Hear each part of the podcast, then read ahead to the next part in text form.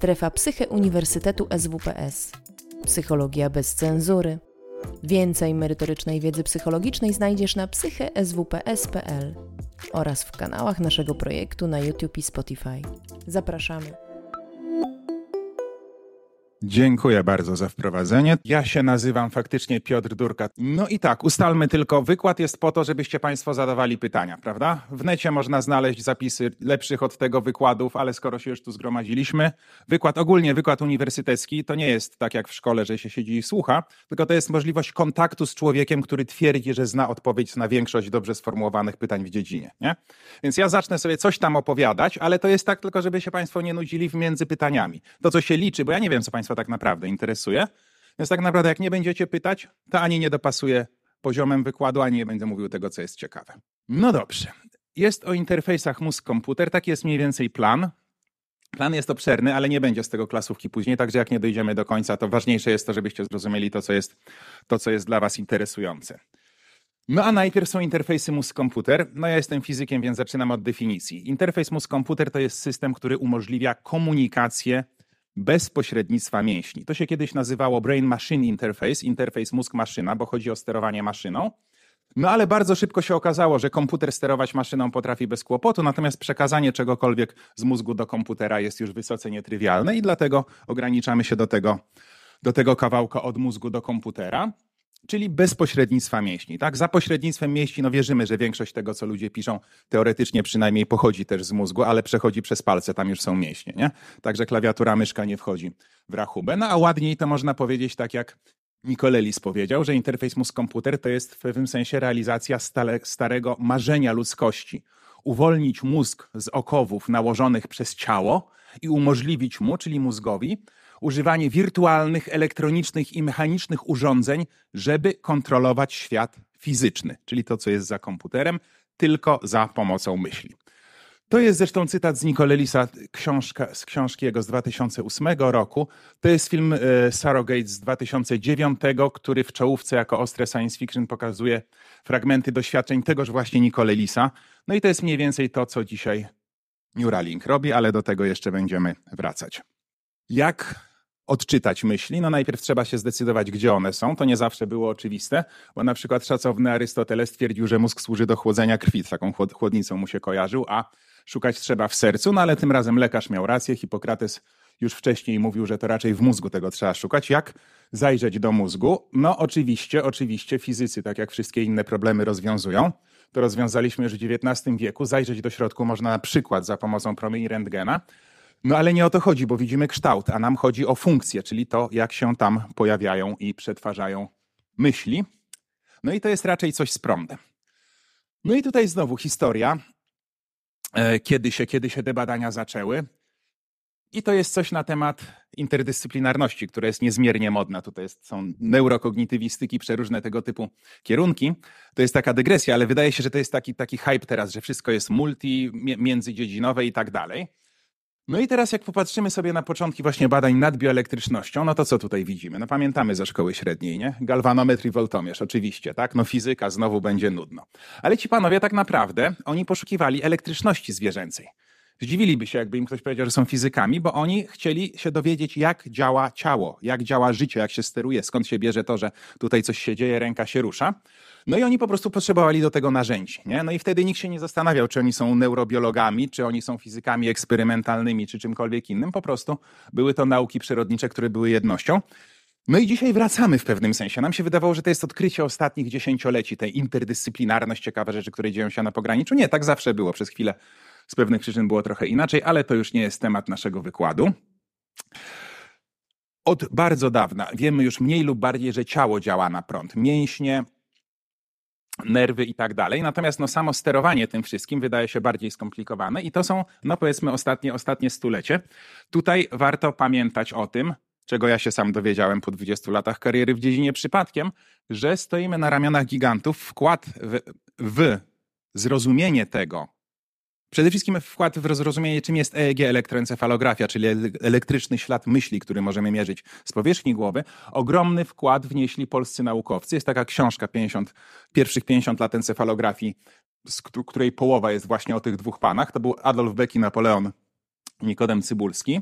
Adolf Beck był doktorantem profesora Cybulskiego i oni wtedy zajmowali się, wtedy wydawało się, że rozszyfrowanie mózgu to jest znalezienie, w którym miejscu jest ten przełącznik, który wkładał, włącza lewą łapę, w którym miejscu jest coś innego. No i jego rozprawa doktorska była o lokalizacji w mózgu. Natomiast on przy okazji tych badań odkrył coś, to były badania zresztą na on, takie, takie były urządzenia, to była otwarta otwarte mózgi zwierząt doświadczalnych, w tym przypadku akurat psów. No i on odkrył coś takiego, że niezależnie od tego, czy ten pies machnie tą ręką, czy nie machnie, czy tam się coś dzieje, to cały czas w tym mózgu coś płynie i to coś nie jest przypadkowe. I on to właśnie nazwał aktywny prąd niezależny, czyli niezależny od bodźców, niezależny od czynności. No i to e, w pracy doktorskiej, a po pracy doktorskiej opublikował e, w prestiżowym czasopiśmie, podówczas niemiecki był językiem nauk biologicznych, więc w czasopiśmie Centerblatt für Physiology opublikował w 1890 roku to odkrycie właśnie o tym, że aktywny prąd niezależny w mózgu zwierząt e, i zapewne ludzi trwa bez przerwy. No i to, było, to była bardzo duża rzecz. E, więc zrobiło się wtedy mnóstwo zamieszania. Po tej publikacji, w dobrym, przypominam, po publikacji w dobrym czasopiśmie, nagle na całym świecie wszyscy zaczęli mówić, nie, to ja ze szwagrem po pijaku, kiedyś tam my już to widzieliśmy i tak dalej. No i tych odkrywców się zgłosiło całkiem mnóstwo. No i w końcu ten wyścig, przy czym Beck ogóle był z boku i on mówił, nie wiem o co chodzi, tak? No ja tutaj to robiłem to, co mi mówił promotor, opublikowałem, o czym wy mówicie. W końcu wyścig wygrał niejaki Richard Catton, to był brytyjski naukowiec, który 15 lat wcześniej dostał grant. To wszystko jest historia z morałem, zaraz do niego. On, on, dostał grant i musiał z niego napisać sprawozdanie. Grant to jest coś takiego, że się podatnicy zrzucają na jakieś tam badania, które niby mają sens, no i my te badania później robimy, żeby pokazać, że rzeczywiście coś robiliśmy. Najczęściej powinniśmy coś opublikować albo przynajmniej napisać jakieś sprawozdanie, no bo inaczej co się z tymi pieniędzmi stało.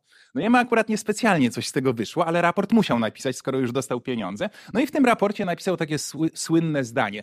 Słabe prądy w różnych kierunkach przechodzą przez wzmacniacz, jeżeli elektrody położymy na powierzchni kory. No czyli krótko mówiąc, gdzie bym tych elektrod nie przykładał, to coś tam szumiało, nic ciekawego nie zauważyłem. Grant zaliczony. Po 15 latach okazało się, że to zdanie uznano za e, dowód na to, że to on odkrył encefalogram, a nie, a nie Adolf Beck. No było to wcześniej, jeden o drugim oczywiście nie wiedział, to nie było żadne odkrycie, ale przyjmuje się, że odkrywcą encefalogramu jest Richard Catton. No i jakie są stąd dwa dla tych z Państwa, którzy kiedyś jeszcze będą się chcieli nauką zajmować morały? Po pierwsze, trzeba publikować w dobrych zagranicznych czasopismach, bo to był Centerblatt für Fizjologii, a nie lokalne jakieś sprawozdanie z grantu. No a po drugie, trzeba granty pisać. Niestety na tym praca naukowca polega w dużej mierze. Może nie jest to zachęcające, ale tak nas uczy historia. Wiemy już, że wszystkim sterują jakieś urządzenia w mózgu, trzeba się tam tylko dostać do tego mózgu. Tak, to chyba nie muszę pytać, co to jest za film. To jest instrukcja obsługi, jak się do mózgu dostać. Może nie najświeższa, ale, ale cały czas, cały czas aktualna.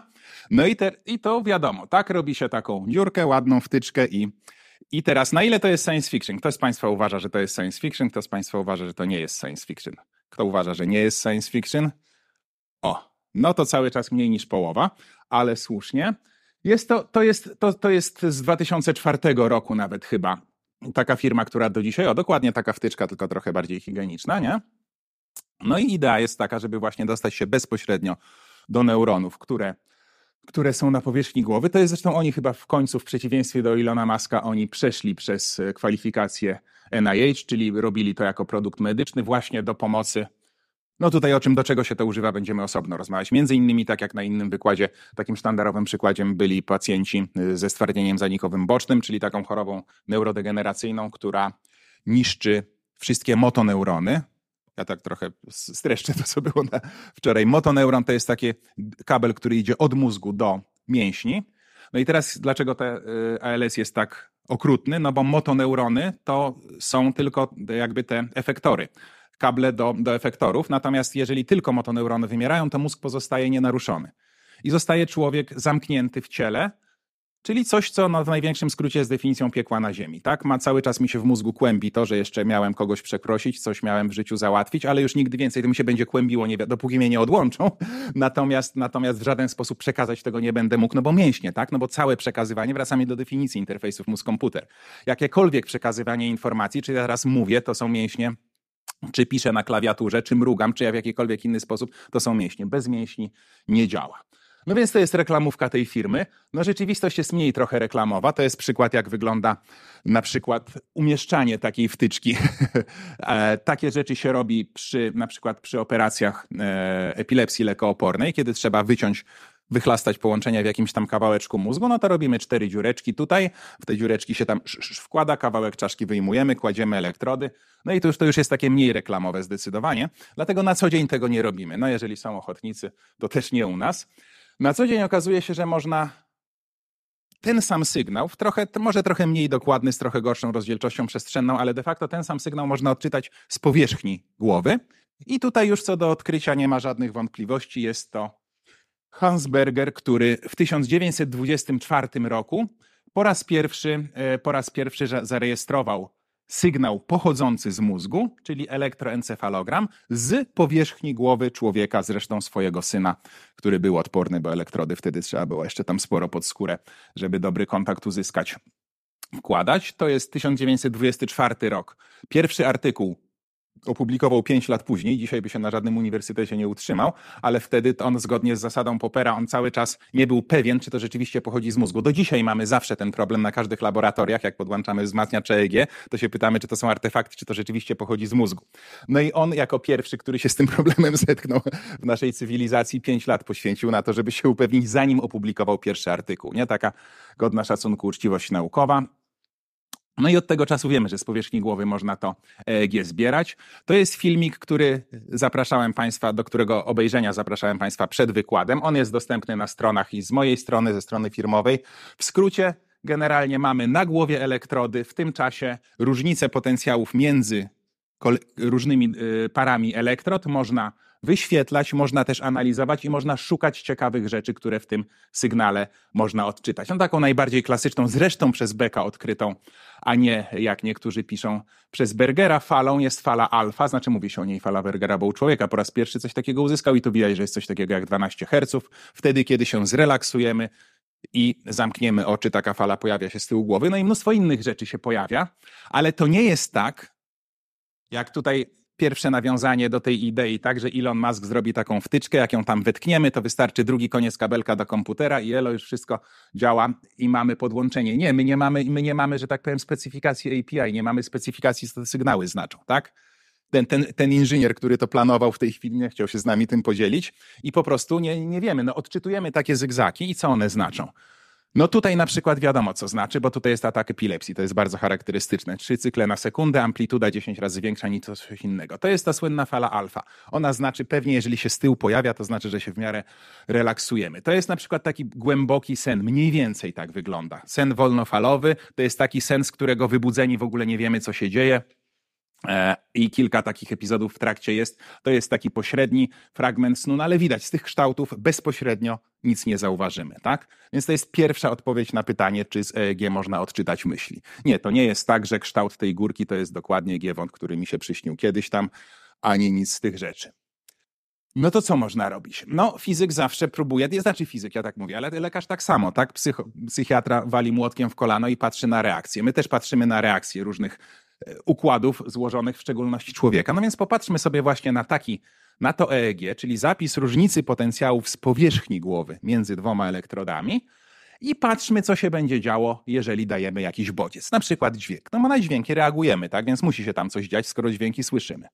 No to zapisujemy sobie taki biegnący sygnał i później układamy, żeby patrzeć, co się działo, żeby zobaczyć, co się dzieje po takim bodźcu, to układamy jedno pod drugim. Tak, to jest bardzo proste. W dzisiejszych czasach komputerów to w ogóle nikogo to nie dziwi, no bo bierzemy sobie myszką, ten kawałek sekundę wycinamy tutaj, drugi kawałek sekundę wycinamy tutaj, nie? No, pół wieku temu trzeba to było w bardziej skomplikowane sposoby robić, ale teraz jest to bardzo proste. Czyli tutaj mamy fragmenty jednosekundowe EEG, ułożone w ten sposób, że moment, kiedy był bodziec zewnętrzny, czyli dźwięk zawsze jest w tym miejscu w chwili zero, tak? No i teraz już możemy patrzeć, czy tam coś się dzieje. Widać coś? Dobra interakcja, dobra odpowiedź, macie rację, nie widać. Na pierwszy rzut oka nie widać. Ale jest, jak się, to jest taka matematyka, która jest dozwolona nie tylko na psychologii, nawet na medycynie, tak? Jeżeli zrobimy uśrednienie, Czyli po prostu dodajemy, każdy punkcik dodajemy i dzielimy przez liczbę. Średnia. Ta czerwona kreska to jest średnia tych wszystkich przebiegów, tak? Punkt po punkcie robimy średnią, no i na tej średniej już coś widać. Widać coś takiego, to jest jedna sekunda, tutaj widać coś mniej więcej 300 milisekund, czyli 0,3 sekundy jest jakaś taka górka do góry. No i ta górka to się nazywa potencjał wywołany P300. Ona występuje w odpowiedzi właśnie na takie bodźce, na które zwracamy uwagę, ale to, co jest absolutnie ekscytujące, to jest to, że ta górka nie występuje w odpowiedzi na bodźce, na które nie zwracamy uwagi. Gdybyśmy teraz na przykład mieli dwa różne dźwięki i jeden z nich świadomie się na nim koncentrowali, no jak się koncentrować, to tutaj, tu, tutaj, tutaj lepiej ode mnie większość pewnie wie na tej sali, ale o tym za chwilę. Jeżeli byłby tu inny jakiś bodziec, na który nie zwracamy uwagi i byśmy uśrednili to, co się dzieje w odpowiedzi na inny bodziec, no to raczej tej górki by nie było.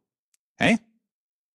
No, nie wywołuje to ekscytacji, żadnych och, braw nie ma, ale to jest właśnie to, to jest coś genialnego. Znaczy, z całym szacunkiem dla psychologii, która oczywiście ma potężne narzędzia w postaci formularzy, introspekcji, a czy pani zwróciła uwagę, czy pan to zauważył i tak dalej, i tak dalej. Wydaje się, no dla fizyka są to takie trochę słabe, e, słabe narzędzia badawcze. Natomiast tutaj chwileczkę, ja przykładam dwa kabelki do głowy, tak, i mierzę i mówię, o, pani to widziała, tak? Na to pani zwraca uwagę, a na tamto pani uwagi nie zwracała.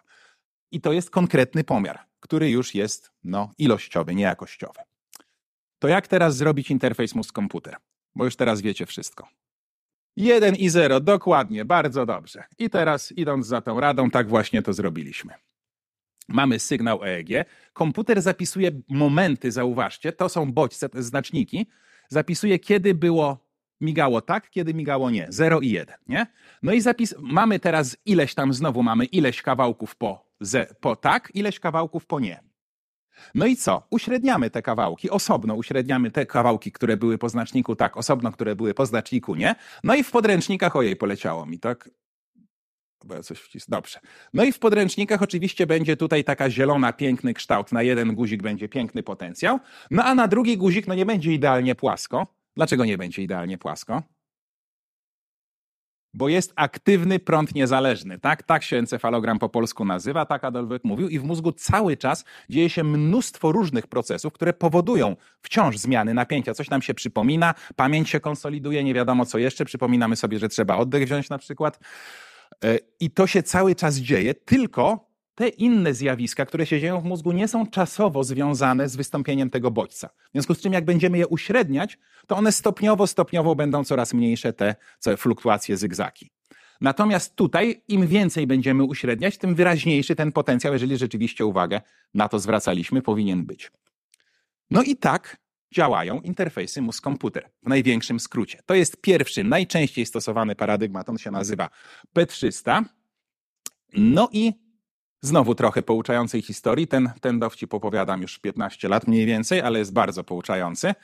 Yy, uzbrojeni w tę wiedzę, którą mniej więcej dotychczas wam przekazałem, yy, w 2008 stwierdziliśmy, ok, to się zajmiemy tym w Polsce, fizyk potrafi wszystko, więc zrobimy taki eksperyment na początek, no żeby się, żeby się czymś rzeczywiście do czegoś, żeby się z czegoś nie wycofać, trzeba się zobowiązać, wtedy jest adrenalina, coś się dzieje, więc powiedzieliśmy, że zrobimy wykład w 2008 roku, no i ściągnęliśmy oprogramowanie, sprzęt, tego typu rzeczy. To jest, to jest takie pierwsze oprogramowanie, którego używaliśmy, e, w którym podświetlane są wiersze i kolumny. To jest taka czysto informatyczna optymalizacja. Jeżeli ja koncentruję swoją uwagę na tej literce, to potencjał powinien wystąpić, jeżeli jest podświetlana ta kolumna i ten wiersz. Nie? Czyli jeżeli mamy 6 na 6, to mielibyśmy 36 literek, które migają osobno, albo mamy 6 plus 6, 12 wierszów i kolumn, wierszy i kolumn. No i tak to mniej więcej uruchomiliśmy. Działało to do, do momentu, kiedy nie przenieśliśmy całego zestawu na salę wykładową. To już była tak druga nad ranem, wykład był od dziewiątej. No i wtedy wszystko przestało działać. Jak to zwykle bywa. Ja tutaj byłem właśnie widać, no może nie widać, ale byłem, bo miałem rękę złamaną. Więc ja byłem tym subjectem tak zwanym. No i jak to na uniwerku jest totalny brak szacunku, koledzy zaczęli sugerować, że to z moją głową coś nie tak, bo wszystko tam w środku działa, nie? No a ja znowu, żeby w tym tutaj się jakoś tam trzymać, nie mogłem powiedzieć nie garb się, tylko postanowiłem udowodnić, że to oni się pomylili. I e, tak naprawdę miałem taką koncepcję, bo wtedy wstyd się przyznać, ale to chyba z 10 czy 15 razy taki, takie mignięcie wtedy nam było potrzebne, żeby jedną literkę złapać. Nie? No bo to było pierwsze podejście, bardzo słabe e, małe doświadczenia, słabe oprogramowanie. Teraz oczywiście robimy to dużo szybciej. Wtedy tam literka wychodziła na pół minuty pewnie. No i mi się wydawało, że oni po prostu coś pomieszali w tym software'ze, którego nie mogłem wygodnie sprawdzić i że tak naprawdę to nie miga 10 razy, tylko tylko 8, nie? No i zacząłem się skupiać rzeczywiście, żeby policzyć, ile razy to miga. I co się wtedy stało? Dlaczego? Bo się skupiłem. Tak? To jest już dla wszystkich jasne? No, na pewno bardziej dla psychologów niż dla fizyków, przynajmniej w tym czasie było. Oczywiście, no mi się wydawało, że jak ja siedzę, mówię sobie, jest za trzy godziny wykład, może mi się jeszcze przespał chociaż godzinkę, nie, niech to wreszcie cholerstwo zacznie działać. To nie był taki właściwy sposób, żeby skupiać uwagę. Jak ja się sprężyłem, ja ich dorwę, teraz było dwa, trzy, cztery, to wtedy ten potencjał zaczął się robić tak wyraźny, że prawie matematyki do tego nie było potrzeba. No i to jest kolejny morał na temat tego, że interfejsy mózg-komputer są inherentnie interdyscyplinarną dziedziną. Wtedy nam się wydawało, fizyk potrafi wszystko. No i w końcu radę daliśmy, ale z tego typu żenującymi wpadkami, bo nie wiedzieliśmy na przykład, że sposób tego, jak należy koncentrować uwagę, może wpływać dużo bardziej na wyniki niż cała ta nasza wypasiona matematyka, oporności elektrod, fizyka, nie wiadomo co jeszcze. No niestety głowa to, to nie jest takie samo urządzenie jak kawałek kryształu, jak się dowiedzieliśmy po jakimś czasie. No i teraz oczywiście współpracujemy z psychologami, neurobiologami, lekarzami, klinicystami, encefalografistami, prawdziwymi informatykami i w ogóle jest to naprawdę hiperinterdyscyplinarne. I to w zasadzie, jeżeli chodzi o działanie interfejsu mózg-komputer, to jest podstawa zrozumienia. Od tego momentu powinniśmy rozumieć. To nie jest czytanie myśli, a jednak sterować można. No bo jeżeli wybierzemy w ten sposób 0 albo 1, tak jak pan mówił, albo wybierzemy kolejną literkę, no to możemy wydawać komendy. Ale to nie jest odczytywanie myśli. Ja nie myślę sobie kawę teraz z pianką i ona się nagle gdzieś tam pojawia, tylko pracowicie wybieram K, A, W, A, spacja, Z i tak dalej, czyli świadomie generuję intencję. Koncentruję swoją uwagę na tej literce, na czymś innym, tylko jeżeli świadomie chcę tę intencję przekazać. No i to jest najstarszy taki sposób, najbardziej stabilny, ten potencjał P300. Można to robić na inne. Aha, to, y, to, było, to było 15 e, lat temu.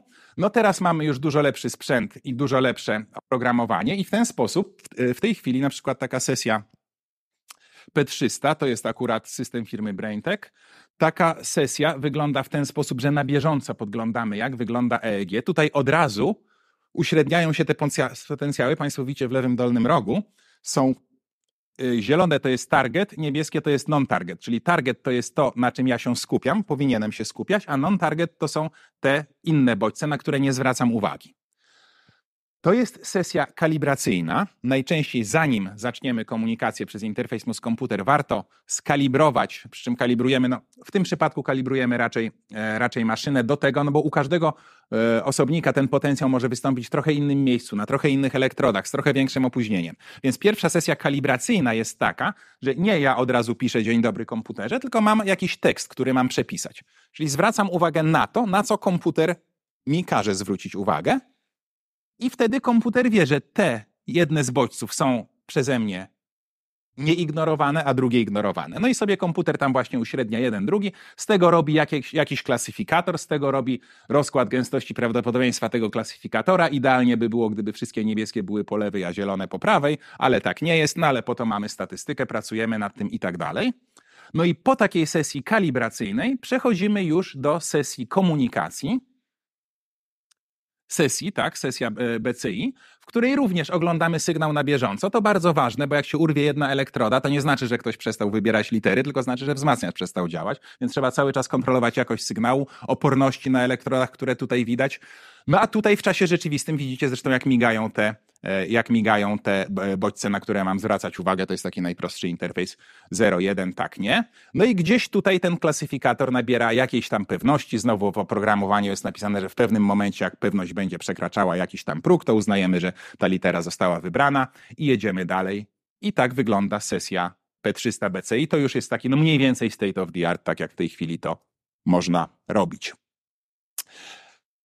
Następnym dość popularnym sposobem robienia interfejsów mózg-komputer opartych o EEG, bo można je też opierać o inne sygnały, ale o tym nie mówimy, to jest mniej praktyczne, czy jądrowy rezonans magnetyczny, czy, e, czy spektroskopia bliskiej podczerwieni, to już są bardziej skomplikowane i mniej praktyczne rzeczy. Więc e, najszybszym interfejsem, który e, jest oparty o odczyt jest tak zwany SSVEP, czyli Steady State Visual Evoked Potential, BCI, czyli interfejs mózg-komputer oparty o potencjały wzrokowe, potencjały wywołane stanu ustalonego. Czym się różnią stanu ustalonego od tych normalnych? No tak naprawdę to nie wiemy, bo nie wiemy jak mózg działa, ale tak w przybliżeniu, jak się na to patrzy z zewnątrz, to ten potencjał P300 to tak raz występował, jak coś się wydarzyło. Natomiast tutaj to jest, jeżeli mamy, jeżeli jesteśmy, nie wiem, w dyskotece i jest jakiś taki stroboskop, który 15 razy na sekundę miga światło, to tych 15 Hz będzie dokładnie odtworzone w korze wzrokowej. Dokładnie nie wiemy dlaczego, no tak jest mózg skonstruowany. Ciekawa rzecz znowu, no i to jest takie proste, to jest takie, takie bezmyślne, takie odtwarzanie częstości, pewnie z jakąś tam percepcją związane. Znowu ciekawa rzecz się dzieje, kiedy jestem e, wobec, e, w polu widzenia, e, widzę dwa stroboskopy. Jeden z nich miga 15 razy na sekundę, drugi 17 razy na sekundę. Jaka częstość wtedy pojawi się w korze wzrokowej w EEG? Dokładnie, dokładnie. Tamte odpowiedzi były fizyczne. Na fizyce by było dobrze, ale prawda tutaj jednak, tutaj jest wyższość psychologii. Pojawi się ta częstość, na której koncentrujemy uwagę, o której myślimy, trudno powiedzieć, nie ta, na którą patrzymy, bo wtedy to by był eye tracking, nie? W tym przypadku obydwie, oczywiście jedno z drugim jest skorelowane, bo jeżeli się na czymś koncentrujemy, to staramy się mieć to w tym obszarze, gdzie jest podświadomie, tam gdzie jest największa rozdzielczość wokół, yy, najlepiej widzimy, no ale również jeżeli mamy oko zafiksowane, to też wtedy preferencja zdecydowanie jest dla tego, dla tego dla tej częstości, na której się koncentrujemy. No a działa to oczywiście nie tak, że mamy gdzieś na kartce zapisane, jak chcę kawę, to 17 Hz mam wygenerować, tylko po prostu te guziki migają z częstościami, które generujący je komputer zna pod spodem, no i jak ja chcę włączyć światło, to, e, to koncentruję się na tym guziku, wtedy komputer widzi 17 Hz i światło włącza. No i to działa szybciej.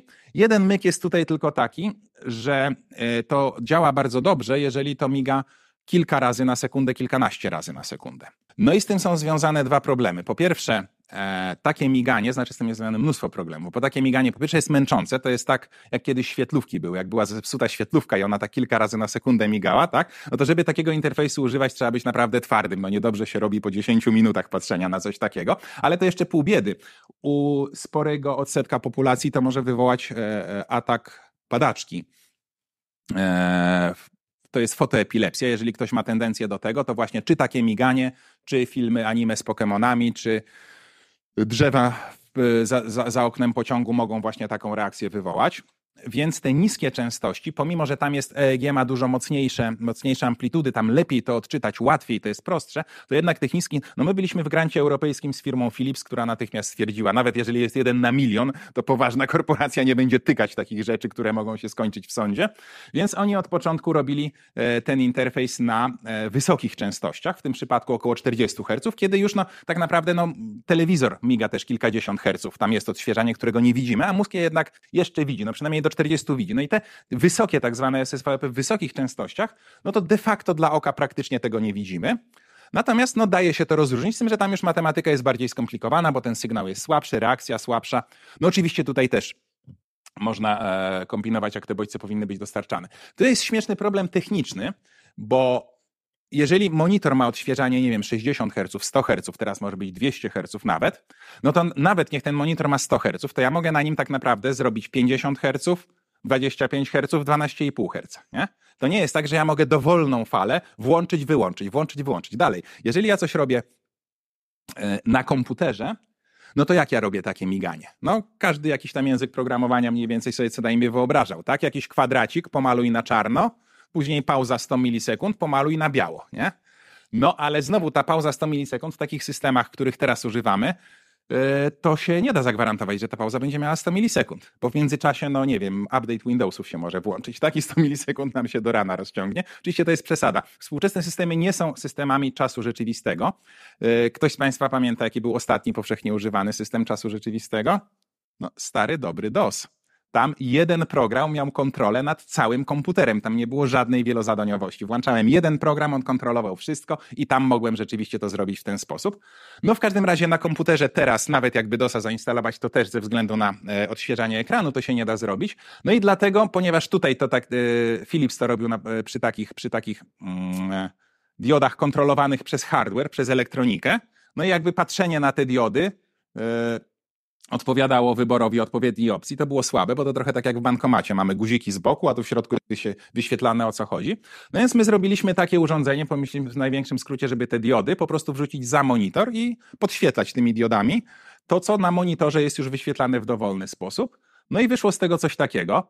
To było w 2012 e, Zrobiliśmy nawet taki bezprzewodowy bajer na Cebicie na stoisku narodowym do pokazania. No i tutaj w tym tableciku pod normalnym ekranem jest osiem takich pól, to akurat były z telefonów komórkowych podświetlenia wydłubane. Każdy z nich miga z inną częstością, a e, normalny e, system operacyjny decyduje, co tu jest wyświetlane. No i komputer wie, co jest wyświetlane w danej myśli. Ta pani koncentruje swoją uwagę na lewym górnym kwadraciku. Komputer wie, że on miga 19 Hz, w związku z czym bierze następny wybór i w ten sposób można, no na przykład właśnie takim robocikiem, wtedy drona nie mieliśmy, sterować. No i to jest, krótko mówiąc, następny sposób podejścia do e, odczytywania intencji z elektroencefalogramu bez pośrednictwa mięśni. Znowu koncentruję swoją uwagę na którymś, na którymś z tych migających elementów co tu jest ciekawe, y, też no, może kiedyś kogoś zainteresuje, jako efekt uboczny stworzyliśmy teraz już takie bardziej zaawansowane urządzenie, gdzie można nie tylko, tak jak wcześniej było, 8 pól pod, podświetlać z różnymi wysokimi częstościami, ale teraz mamy no, dużo więcej możliwości konfiguracji tego wszystkiego. I to urządzenie, ono jest stosunkowo unikalne świecie, tylko jakoś zastosowań dla niego nikt ciekawych jeszcze nie znalazł. Y, to urządzenie to jest, to jest normalny ekran, na którym możemy wyświetlać cokolwiek, reklamy, filmy, cokolwiek innego, a pod spodem możemy podświetlać prawie niezauważalnymi różnymi częstościami migania pewne obszary. No i w ten sposób można tak jak na przykład klasycznie e, w neuromarketingu jest elektrookulografia, tak? Eye tracking jest najważniejszy. Na co ja patrzę? Które mapy? O, tutaj więcej patrzyłem, tam mniej patrzyłem. To jest pośrednio, to jest tam, gdzie mi oczy latają. Tutaj możemy sprawdzić dokładnie, o którym fragmencie myślę. Nie na który patrzę, tylko o którym fragmencie myślę. Można sobie wyobrazić, nie wiem, filmy sterowane myślą. Na przykład Netflix próbował coś takiego robić w bardzo słaby sposób. Tak, no teraz jak chcesz, żeby coś zrobił, to wciśnij lewy guzik. Nie, tutaj jeżeli ja więcej patrzę na prawy dolny róg, to komputer może po, e, narrację popchnąć właśnie w stronę tego, powiedzmy, na czym nieco ja myślałem. Nie będzie to ta fabuła, którą ja wymyśliłem, ale znowu można odczytać, nad czym ja koncentruję uwagę. Więc to jest jedno z takich najbardziej zaawansowanych urządzeń, które koncentrację uwagi wzrokowej potrafi w tej chwili odczytać. Trzeba tylko mu jakieś ciekawe zastosowanie znaleźć. No i wreszcie, żeby książkę telefoniczną o interfejsach skończyć, to należy wspomnieć, że jest jeszcze jeden sposób robienia interfejsów mózg-komputer. Te dwa dotychczasowe, zauważcie, no bo mówi się, ok, będziemy samolotem sterować, czy, czy wózkiem inwalidzkim, czy czymś tam. Te dwa dotychczasowe e, sposoby e, odczytywania intencji wiązały się z bardzo zafiksowanym e, wzrokiem. Ja muszę się bardzo intensywnie wślepiać w jakiś kawałek ekranu, tableta, czegokolwiek, nie? No więc samochód prowadzić nie jest bezpiecznie w takiej sytuacji, bo nic innego nie widzę. Jest jeszcze trzeci tak zwany paradygmat, czyli trzeci sposób, przy czym bardzo ważne jest, że, żebyście zrozumieli, że to, co ja mówię, to nie jest jakby koniec, to nie jest ani zamknięty dekalog, ani nie są to takie prawa przyrody, jak te, które, nie wiem, od 100 lat sprawdzamy. W tej chwili po prostu ludzie wymyślili trzy takie sposoby, był jeszcze czwarty, ale bardzo powolnie jest Jak na razie z tego, z takiej czysto fenomenologicznej wiedzy, co się stanie, jak walnę młotkiem w kolano, co się stanie, jak do mózgu dotrze taki czy inny bodziec, wymyśliliśmy trzy takie sposoby podejścia. Trzeci będziemy zaraz teraz mówić, ale to nie znaczy, że ktoś nie może wymyślić czegoś zupełnie innego. I tu, tu akurat właśnie, jeżeli chodzi o ta, wymyślanie takich paradygmatów, czyli takich eksperymentów, w których można w jakiś sposób coś z mózgu odczytać, no to tutaj właśnie bardziej, bardziej psychologowie pewnie mają szansę coś, coś nowego wymyśleć. Choć tak się jakoś składa, że od kilkunastu lat nic nowego się nie dzieje praktycznie. To jest tak, że tam troszeczkę ulepszamy to, co już znamy w ramach tych paradygmatów, które są. No więc dla kompletności ostatni paradygmat to jest tak zwane wyobrażenie ruchu to polega na tym, że e, prawa ręka jest sterowana lewą półkulą, lewa ręka jest sterowana prawą półkulą. Nie? Więc gdybyśmy tylko byli w stanie, gdyby, gdyby nie, to, nie ten nieszczęsny aktywny prąd niezależny, gdyby to było tak jak w czasach przed bekiem jeszcze się wydawało, że jeżeli mam ruszyć prawą ręką, no to pojawi się prąd w lewej półkuli. Pyk, prąd był, komputer łapie jeden, nie? Nie, no tam cały czas jest mnóstwo przeróżnych prądów i w tym przypadku już wysoce skomplikowaną to nie jest tak, bo na początku wystarczyło uśrednić, widzimy górkę P300. Nie? Później, jeżeli mieliśmy symulację 17 Hz, to dokładnie 17 Hz widzieliśmy w EEG zbieranym z kory wzrokowej. Tutaj już nie jest tak prosto, to już jest bardzo skomplikowane, wymaga mocno zaawansowanej matematyki i statystyki, żeby z całego tego aktywnego prądu niezależnego wyekstrahować to, co jest związane z ruchem. No a z ruchem jest bardzo dużo związane, bo taka prosta rzecz jak, nie wiem, no, no złapanie czegokolwiek, to jest na tyle skomplikowane, że do dzisiaj nie ma dobrej protezy ręki. To na to, na to DARPA wydaje mnóstwo pieniędzy. a e, chociażby właśnie, żeby amerykańskich chłopców wracających z wojny w takiej sytuacji poratować, ale ilość informacji, która jest do przetworzenia, w przypadku właśnie takiej protezy nam się wydaje, że to jest robocik, który ma dwie kamerki i, i tylko na podstawie tego, co widzi, działa. Nie? No ale ten robocik jeszcze na przykład, no taki robocik humanoidalny potrafi z zamkniętymi oczami złapać się za nos. Mamy propriocepcję, czyli świadomość o tym, jaki jest kąt którego, e, którego stawu, jak mięśnie są napęte i na tej podstawie też mnóstwo rzeczywistości łapiemy. To jest ogromny ogromna, e, ogromna ilość informacji płynąca w jedną i w drugą stronę i dlatego zajmuje się tym spory kawał mózgu. To jest kora ruchowa, to jest taki kawał mniej więcej w jednej półkuli i w drugiej.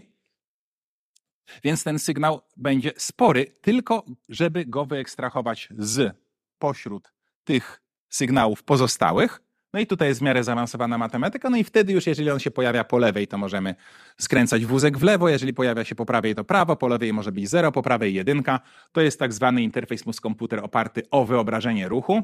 To jest bardzo stare jakieś wideo stargów, ale do dzisiaj jest tak, że ten interfejs praktycznie zawsze przede wszystkim wymaga treningu, Czyli to jest wtedy taki neurofeedback, że próbujemy się nauczyć, no bo co to jest znowu to wyobrażenie ruchu, tak? Tu nie wiadomo, jak się koncentrować, nie wiadomo, czy to trzeba liczyć, czy nie, więc jedni sobie wyobrażają rzut kamieniem, inni yy, pojedynek pięściarski, naciąganie łuku, raz działa lepiej, raz działa gorzej, to bywa różnie. I nawet jak już się ktoś nauczy, no to zwykle ten trening to nie jest taka kalibracja jakby przy P300, że to jest tam 5-10 minut, to już w ogóle super, tylko to są czasami tygodnie treningu. No i jak już działa, no to nie mamy obciążonego wzroku, to jest fajnie, możemy sobie wyobrażać ruchy patrząc gdzieś tam, ale, e, ale działa też sporo wolniej. Czy to wszystko jest. Aha, no i teraz te wszystkie, te, większość tych informacji jest na stronach BrainTech popularno-naukowych o tym, jak te interfejsy działają. A my niniejszym już tę część zaliczyliśmy. Także jest materiał do kartkówki. Czy to wszystko jest jasne całkowicie? Bo teraz już to jest, na tym kończę podstawy tego, jak działają interfejsy mózg-komputer. Jeżeli czegokolwiek totalnie idealnie nie rozumiemy, jest to państwa wina, bo ja się zgłaszam do tłumaczenia, tak?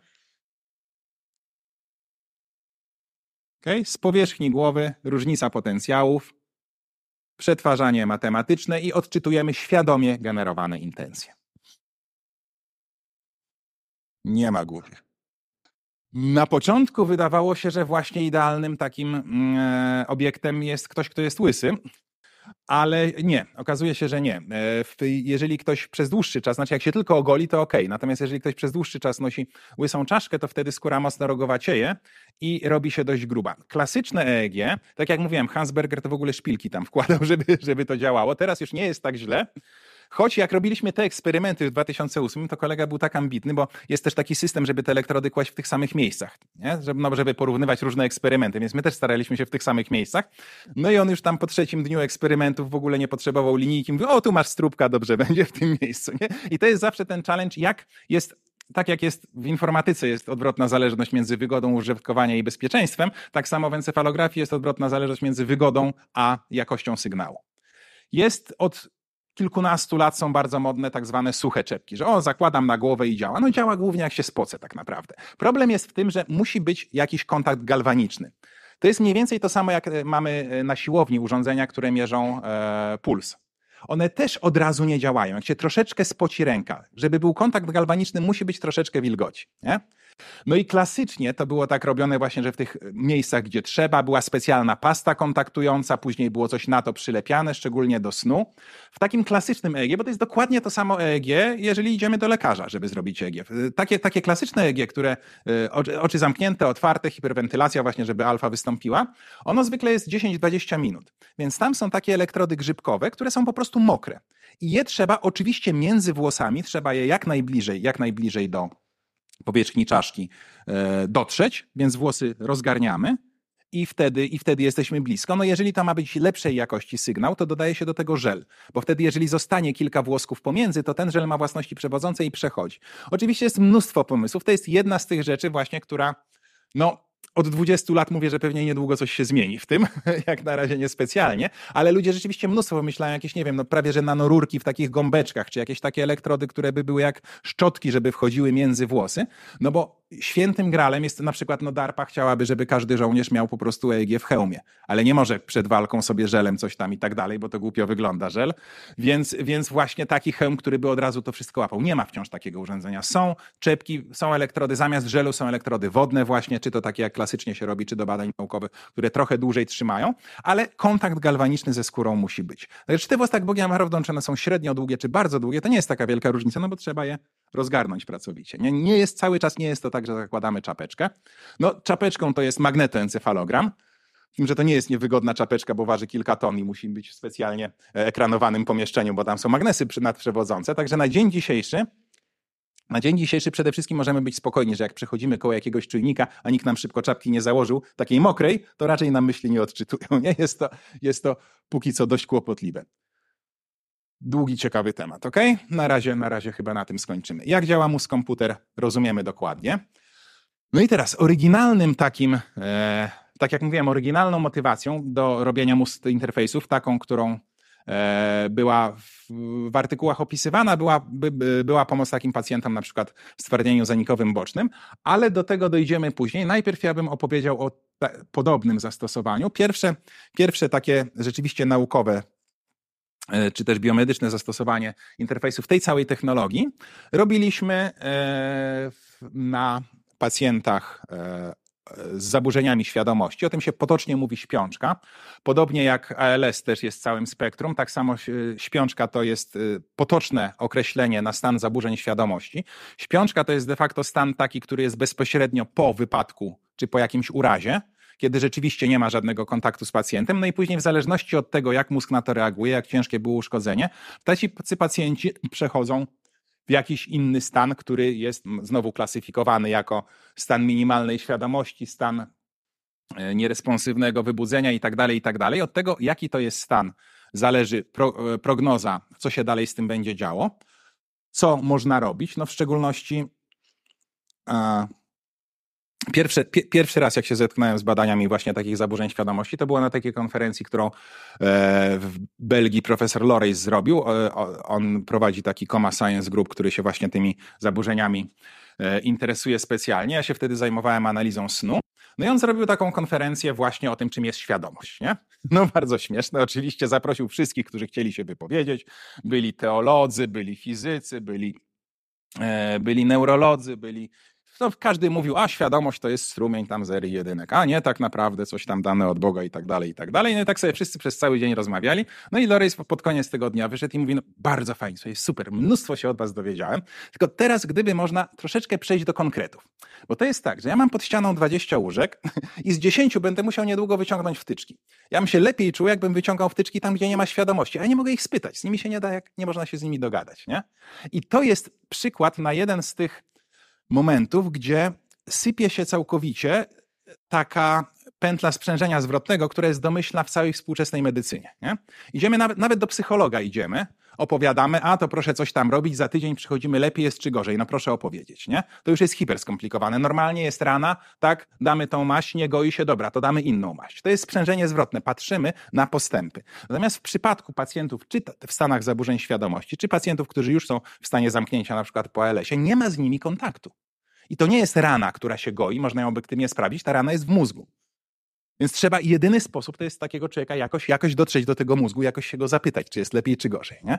I to jest ten moment, w którym współczesna medycyna sobie totalnie nie radzi. Jeżeli chodzi o ALS-a, oczywiście sposoby podtrzymywania pacjentów przy życiu są genialne. Oni mogą żyć przez dziesięciolecia. Tak samo w takim stanie, w takich stanach po pourazowych, po śpiący z tymi zaburzeniami świadomości. Też takich pacjentów bardzo długo przy życiu można y, podtrzymywać, tylko tak naprawdę nie wiadomo, czy to ma sens, czy oni kiedyś z tego wyjdą, czy nie wyjdą. Czy oni tak naprawdę żyją fizycznie, czy to są tylko, czy to są tylko organy podtrzymywane przez tą całą aparaturę.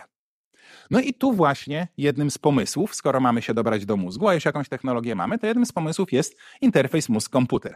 No my się nieświadomie wzięliśmy jeszcze za miejsce, gdzie dzieci są, więc dogadanie się z dzieckiem, nawet jak jest zdrowe. Większość pewnie wie, że to nie jest sprawa trywialna. A co dopiero, co dopiero jak właśnie jest y, w stanie jakiegoś zaburzenia, więc musieliśmy zrobić sporo specjalnych urządzeń, które by przy takim wózku inwalidzkim na przykład w ogóle monitor utrzymały, no i też te bodźce musiały być dopasowane. To nie mówię, że wiersze i kolumny weź pod uwagę, jak coś tam mruga, tak, tylko o zobacz, idziemy na spacer. To było to, zresztą rodzice mówili, albo było nagrywane głosami rodziców i zobacz, ile było, ile zdjęć ptaszków na przykład zrobiłeś, nie? No i dobra, no to mamy już taki cały sprzęt, to jedziemy. To co było, tak? Miga ptaszek, miga kotek. A by mama mówiła, zobacz, ile razy mignął ptaszek. Czyli kotka ignorujemy, tak? Patrzymy, ile razy, ile było zdjęć ptaszka. No i co robimy? Czapka na głowę i uśredniamy, tak? No i teraz zobaczcie, jeżeli, jeżeli rzeczywiście e, ten, ta krzywa, która jest po uśrednieniu tych bodźców, jest wyraźnie inna od tej, to już nie jest taki, to nie musi być klasyczny potencjał. Chodzi tylko o to, czy one są istotnie różne. Czy tutaj troszeczkę tej górki jest, czy nie ma. Jeżeli ta krzywa jest istotna, różnica jest istotna statystycznie, ona nie wynika z przypadku, z tego, że to wszystko jest pozygzakowane, to mamy ogromnie dużo informacji o mózgu. Po pierwsze wiemy, że dziecko usłyszało i zrozumiało cały ten tekst. To już jest całkiem niezłe funkcjonowanie mózgu. Po drugie, że jest w stanie skupić uwagę przez jakiś czas i liczyć na przykład, czyli to już jest całkiem nieźle. Nie? No i na tym, na tego typu prostych pomysłach opieraliśmy takie systemy, które mogłyby właśnie wspierać tę e, na przykład diagnostykę w takich klinikach jak Budzik, czy to dla dzieci, czy, czy dla dorosłych, żeby w takiej sytuacji, kiedy z pacjentem porozumieć się nie da, żeby było można, żeby było można cokolwiek o stanie mózgu wnioskować. Tak? Bo jeżeli w iluś tam powtórzonych, oczywiście to, są, to, to nie jest takie proste, tak, że o, nie ma potencjału, no to już odłączamy. Nie?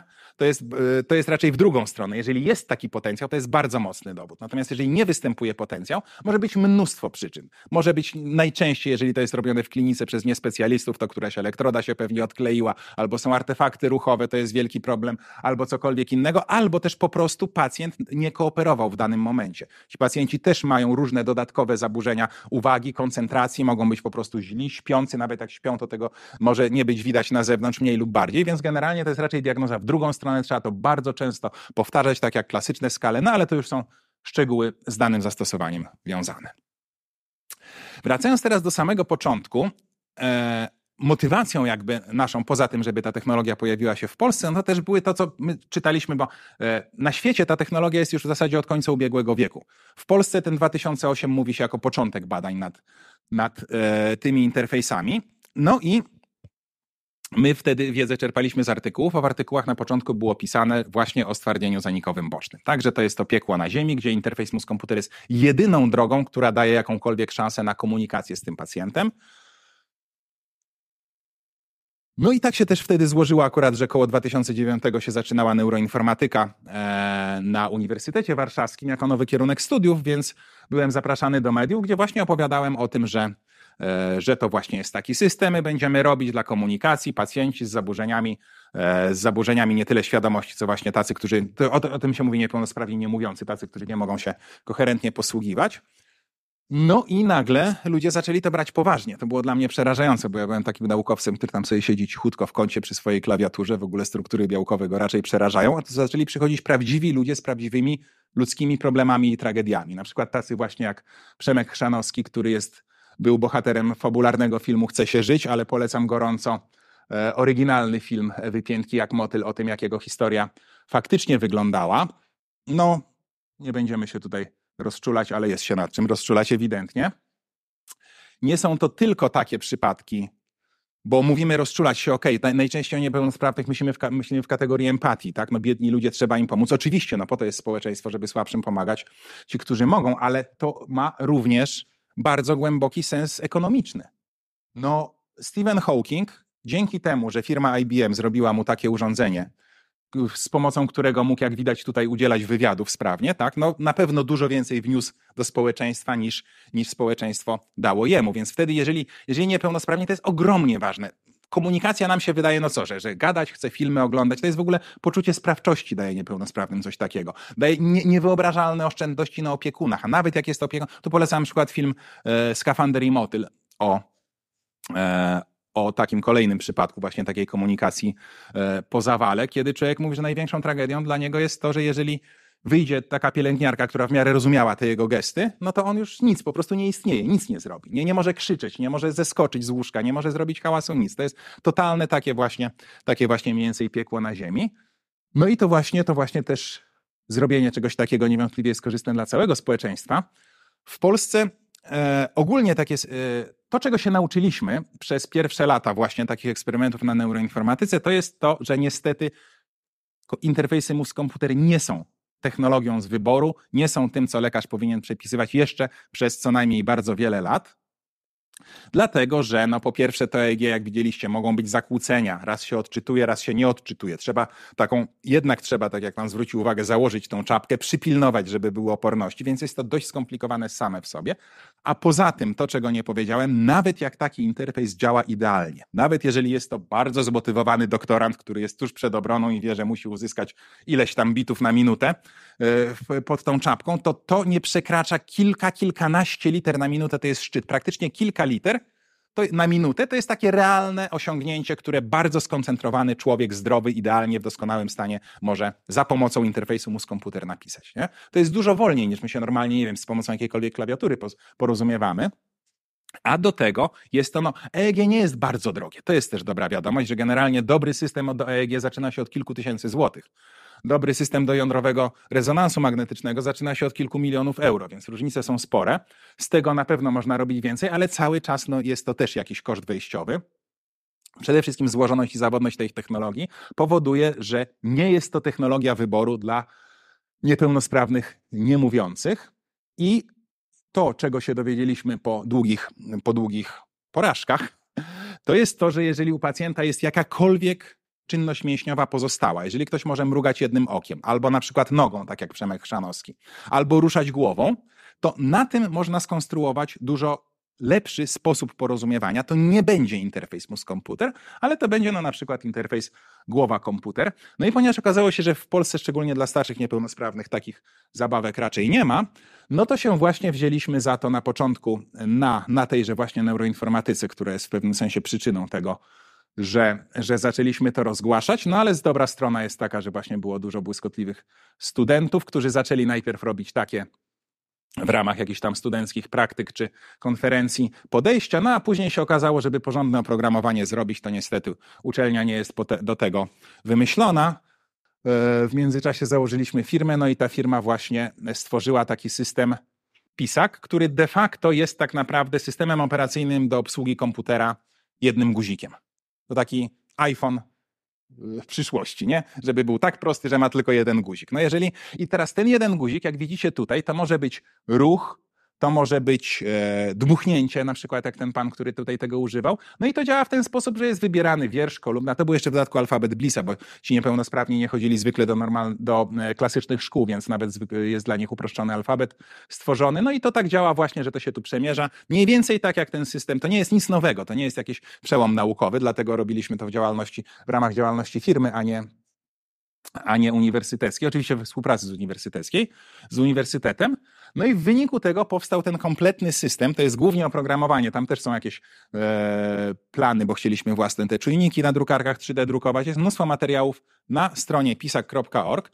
Ten projekt, jak się skończyło finans, dofinansowanie, to e, te fundacje i stowarzyszenia, które z nami dzielnie pracowały, jakoś nagle, no ja gasiłem światło w pewnym momencie. Więc ten projekt w tej chwili nie jest jakoś silnie rozwijany, natomiast jest bardzo duża baza doświadczeń oprogramowania gotowego. To oprogramowanie jest przede wszystkim na otwartych licencjach, dlatego jakby e, nie wyszło to, na co NCBIR liczył komercjalizacja tego. Tego nikt nie chciał od początku sprzedawać, tylko to jest wszystko na GPL-u. Każdy może sobie go ściągnąć i uruchomić, jeżeli potrafi. No więc message jest podwójny. Po pierwsze, jeżeli ktoś ma do czynienia z osobą, która ma tego typu kłopoty, to może sobie po prostu ściągnąć ten system, który jest pisany pod Linuxa i spróbować uruchomić i w nim jest, i on jest konfigurowalny, może samemu coś tam dopisać. No a też jeżeli ktoś w tę stronę chciałby dalej iść, żeby tego typu systemy rozwijać, to jest to niewątpliwie baza do startu. Czyli to była dygresja, to nie jest interfejs mózg-komputer, ale coś podobnego. No i pozostaje wrócić chyba do tego, co mieliśmy debankować, czyli właśnie uploadowania świadomości do cyberspace'a i temu podobnych bajerów. No to oczywiście pierwszy połączenie mózgu z komputerem to był e, najbardziej znany jest Neuralink Ilona Muska. To się działo mniej więcej około 2017, czyli mamy mniej więcej 5 lat od tego czasu. Możemy podsumować, co się dzieje. Zresztą to był taki rok, kiedy to w ogóle jakoś było strasznie modne i wszyscy uważali, że nagle wszystko się uda. Mniej osób zauważyło, no to, aha, to jest to, co zrobił de facto Neuralink, czyli tak naprawdę taką wtyczkę. Jeszcze nawet na ludziach to niespecjalnie działa, ale on zrobił taką wtyczkę, jak wam pokazałem, jak Nicolelis robił w 2008, jak BrainGate robił w 2004. To jest po prostu wtyczka, która pozwala umieścić elektrody bezpośrednio na powierzchni kory, kory mózgowej albo wkłuć elektrody w mózg tak, żeby no niemalże pojedyncze neurony nagrywać. No a przy okazji jeszcze oczywiście jest z tym sporo drob takich drobiazgów, na przykład, że w mózgu ciało obce się otorbia i elektroda przestaje kontaktować po jakimś czasie, no to, że generalnie no, drobna infekcja raczej kończy cały eksperyment razem z pacjentem i tak dalej. Więc to, co tak naprawdę zrobił zrobił Neuralink, no to oni podobno jakiegoś takiego sprytnego robota zrobili, który te bardzo cienkie elektrody wpycha pomiędzy, e, pomiędzy naczyniami krwionośnymi, że przynajmniej krwawienia z tego nie. nie? No ale to jest tak naprawdę elektrokortykografia to się nazywa. To jest technologia znana od dziesięcioleci i już Ojojoj, oj, to, to trzeba by sprawdzić na bieżąco. On na, na, początku się rzędu 100, chyba może ktoś z Państwa jest na bieżąco. Na początku on się chwalił, że jest rzędu 100, teraz prawdopodobnie będzie do 1000. 3072 pewnie, tak? Bo to powinny być potęgi dwójki. Tak, no tutaj te, te wszystkie elektrody są, one są na stosunkowo, w, w, tym przypadku, one są na stosunkowo niewielkiej powierzchni, on to tam z 10 centówką porównuje i one tak naprawdę mogą w miarę dokładnie badać e, rozkład e, potencjałów w jakimś niewielkim, bardzo niewielkim obszarze. Jeżeli rzeczywiście trafimy w ten kawałek, który się wiąże z korą ruchową, no to ten sygnał jest lepszy. Teoretycznie to, co dociera do powierzchni głowy, to ze względu na, nieszczęsne równania Maxwella, to się wszystko tam na każdej nieciągłości zawija, odbija, miesza i tak dalej, jest bardzo pomieszane. Nie jest tak, że jak ja mówiłem, że na tylnych elektrodach to jest na przykład e, dobrze widać SSVEP, bo tam jest kora wzrokowa. Nie? To SSVEP widać na wszystkich elektrodach, na tych akurat widać mocniej. To się wszystko bardzo mocno rozjeżdża. Natomiast jeżeli wjedziemy w środek, no to mamy bardzo lokalne nagrania. No ale jakby różnica między tymi pięcioma minutami przygotowania lekkiego skóry a robieniem dziury w głowie jest tak duża, że jednak no, najczęściej staramy się trochę popracować nad analizą sygnału niż na ostrzejszą wiertarką. Nie? No ale to jest, to jest taka jego idea. No i to oczywiście to jest bardzo szacowne, to co on robi. To jest super. Nie? No bo dzięki temu rzeczywiście w niektórych przypadkach, tak jak pokazywałem na przykład te drastyczne zdjęcia e, z badań przed, przed operacją e, epilepsji lekoopornej, takie rzeczy będzie można robić łatwiej.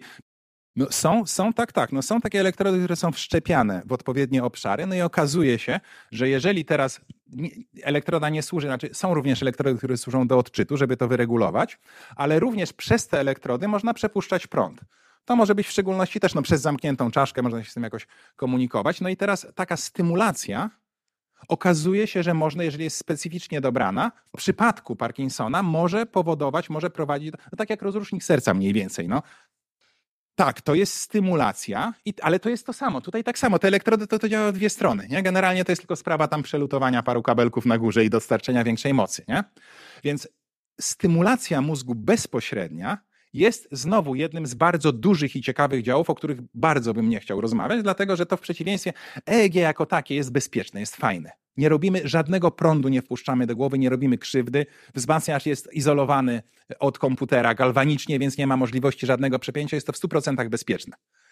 Natomiast stymulacja mózgu no to nawet jeżeli od razu nie pójdzie dym i, ktoś nie zrobi dziwnej miny, to nikt to jest bardzo modne teraz. Są, są też takie metody, to, są, to jest oczywiście drastyczna stymulacja przeszczaszkowa, która wymaga otwarcia czaszki, ale technologia nam teraz daje dużo możliwości, przede wszystkim magnetycznie można bardzo selektywnie jakiś obszar mózgu mocno stymulować, a w ogóle modne są ostatnio właśnie takie E, takie stymulatory, które no, na, na, tych samych elektrodach co EEG, zamiast odczytywać, wpuszczają jakiś tam prąd. Nie?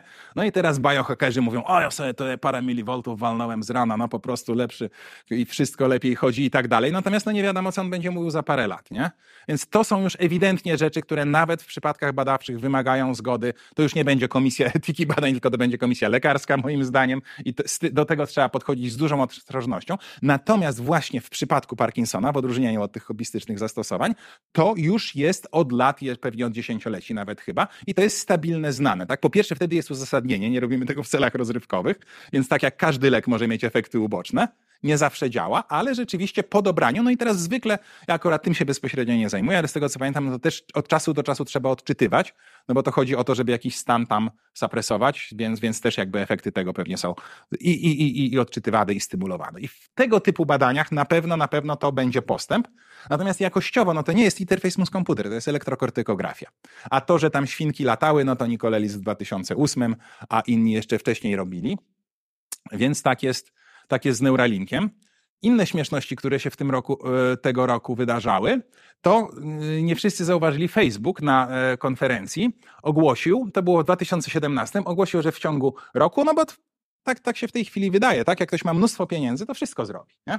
Wszystko można. Jeżeli odpowiednio duże, odpowiednio duże, to zobaczyli, że, że, że Neuralink coś takiego robi, no to my będziemy lepsi, jesteśmy najlepsi na świecie, spokojnie. Za rok zrobimy taki system e, e, oparty o odczyty aktywności mózgu, że będzie można czytać, pisać z głowy 100 słów na minutę. I to była bardzo konkretna deklaracja. 100 słów na minutę to jest więcej niż najszybsza maszynistka świata jest w stanie na maszynie przepisać, a być może ja teraz mówię ze 100 słów na minutę albo więcej, ale, ale generalnie no z, z EEG przypominam, to jest kilka liter na minutę, nie?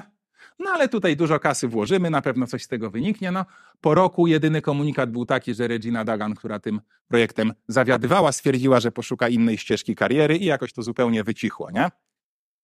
Tak samo jak z tym downloadowaniem mózgu do cyberspace'a u Ilona Maska. No, biorą się ludzie, którzy się nie do końca na tym znają, ale za to mają dużo pieniędzy i to jest dobry sposób na wydawanie pieniędzy. Niewątpliwie to będzie zatrudnienie dla absolwentów tutaj i jest to na pewno no, z punktu widzenia medycyny jedna jedna z najciekawszych ścieżek, no bo tyczy się tego najbardziej złożonego organu. No i może na koniec jeszcze właśnie, żeby podsumować te wszystkie klimaty neuralinkowe, to popatrzmy sobie, jak daleko rzeczywiście jesteśmy od tego, bo ja nie mówię, że to jest niemożliwe, tak? Chociaż no, proste, tak, takie, takie klisze, które jest różnym osobom przypisywane, mówi, że gdyby mózg był wystarczająco prosty, żebyśmy mogli go zrozumieć, to bylibyśmy za głupi, żeby go zrozumieć, ale to jest takie trochę za bardzo ogólne. Ja tutaj jako fizyk konkrety bym chciał przedstawić. No i konkrety są takie. W mózgu jest około 100 miliardów, tysięcy milionów miliardów neuronów, mniej więcej 100 miliardów neuronów. Każdy z nich ma do kilku tysięcy połączeń z innymi. Więc poziom złożoności, jeżeli weźmiemy kilka miliardów razy wybór każdy może być przypadkowo połączony z innymi, nie? no to stopień złożoności mniej więcej sobie tego można wyobrazić. Jest, no duży to za mało powiedziane, ale e, a gdzie jest w tej chwili taka właśnie neuronauka na poziomie, no bo jeżeli chcemy e, połączyć mózg z komputerem, to nie jest tylko kwestia tej wtyczki. Wtyczkę już mamy. To jest kwestia specyfikacji interfejsu. My nie wiemy, na jakie, jakie komendy mózg będzie wysyłał, na jakie komendy mózg będzie, nie ma tego API. Nie? Więc trzeba rozumieć, jeżeli chcemy się podłączyć do kamery, żeby z niej zgrać zdjęcia, to się musimy rozumieć, że to nie jest mikrofalówka, że to nie jest bomba ani mina, tylko że to jest kamera i z niej się ściąga w takim, a nie innym formacie coś. Mózgu nie rozumiemy, ale pracujemy nad tym. No i przykładem tego, że generalnie są postępy, jest słynny taki Heros Heros Neuronauk nazywa się, bardzo ma skomplikowane nazwisko, więc mówimy o nim C.elegans. To jest taki robaczek, którego ciało składa się z 959 komórek, z czego 302 to są neurony. Dokładnie 302. Nie, nie 100 miliardów, tylko 302 sztuki. Mało tego. Ja mówiłem, tam było na slajdzie było 86 miliardów, ja mówiłem koło 100 miliardów. To jest z tą księgowością, wiadomo, że umierają neurony skutkiem bardzo wielu substancji chemicznych, które spożywamy w nadmiarze. Okazuje się, że również rodzą się nowe neurony, co kiedyś było e, uważane za niemożliwe i te połączenia w mózgu ludzkim dynamicznie się zmieniają. Świadom, to jest z minuty na minutę to jest w zasadzie inny mózg. Mózg każdego człowieka między sobą dramatycznie się różni. To jest podstawowy problem właśnie we wszystkich naukach biomedycznych, ale przy neuro to już jest dramatycznie. Różnice międzyosobnicze są dużo, dużo większe w jakichkolwiek parametrach niż chcielibyśmy na przykład, nie wiem, używać do diagnostyki między grupą zdrowych a chorych. Więc różnice są ogromne, a tu nie. Tu mamy dokładnie, piękno właśnie dlatego on jest takim bohaterem, że te 302 neurony mają dokładnie te same połączenia w każdym osobniku.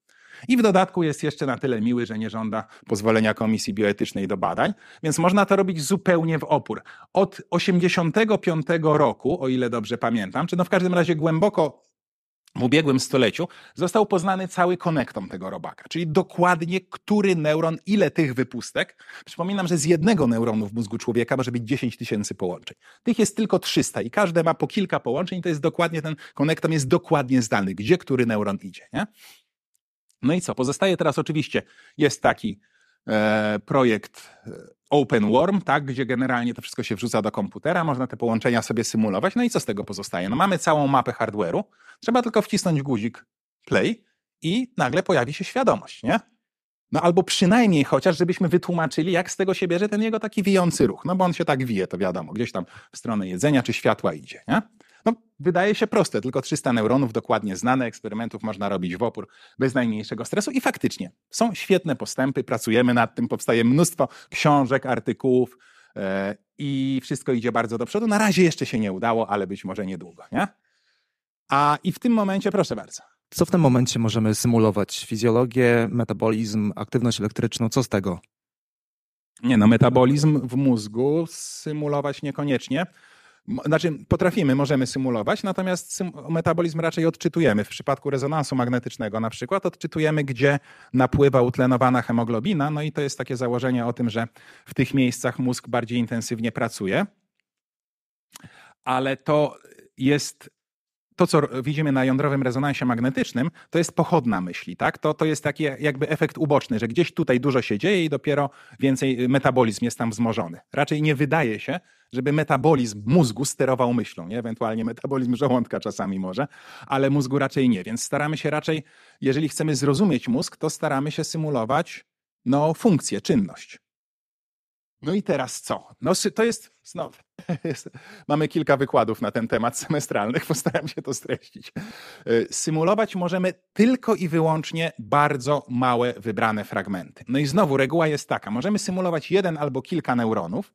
Taki jeden neuron to jest kilka stron równań różniczkowych i kilkaset parametrów, z których większość jest przybliżonych. Te parametry się zmieniają, jakieś tam gęstość neuroprzekaźników, tutaj coś wypijemy, to już się ta gęstość zmienia i tak dalej. Ale dość dokładnie są modele takie, gdzie możemy z pojedynczych neuronów w miarę dokładnie e, symulowanych składać jakieś tam fragmenty. No i patrzeć na przykład, jak powiedzmy e, zmniejszenie ilości jakiegoś neuroprzekaźnika wpływa na ekscytowalność, na to, czy tam się chętniej, czy mniej chętnie pojawiają dalsze impulsy. Jeżeli uprościmy model neuronu, do czegoś takiego, no tak jak jest w, sztucznych sieciach neuronowych, to już bez sensu, nie? Ale jeżeli trochę, trochę tylko uprościmy model neuronu, możemy symulować większe populacje i wtedy zamiast tych parametrów konkretnych, ile cząsteczek neuroprzekaźnika wpadło do dziury, to mówimy o stężeniu na przykład jakichś tam substancji. No i próbujemy z tego już na przykład zobaczyć być może stężenie tego neuroprzekaźnika, który w tym momencie akurat funkcjonuje jako e, wzmocnienie czyli jest potrzebny powiedzmy do przekazywania impulsów, czyli powiedzmy powinien wzmacniać e, ekscytowalność, czy to na przykład może prowadzić do czegoś, co przypomina napad epileptyczny, bo do dzisiaj nie wiemy, jak się napad epileptyczny zaczyna, skąd się bierze, dlaczego to się dzieje. Więc możemy symulować albo bardzo małe, albo bardzo, w bardzo przybliżony sposób fragmenty mózgu, tylko i wyłącznie, i tylko i wyłącznie pod kątem bardzo dobrze zdefiniowanych e, hipotez. To jest troszeczkę tak jak z EEG na powierzchni bez modelowania. Musimy postawić jakąś hipotezę psychologiczną, kontrast. Zwracam uwagę, nie zwracam uwagę. Tam też będzie przekroczony jakiś próg na przykład ekscytowalności, po którym się za, zaczyna e, napad epileptyczny, czy nie będzie.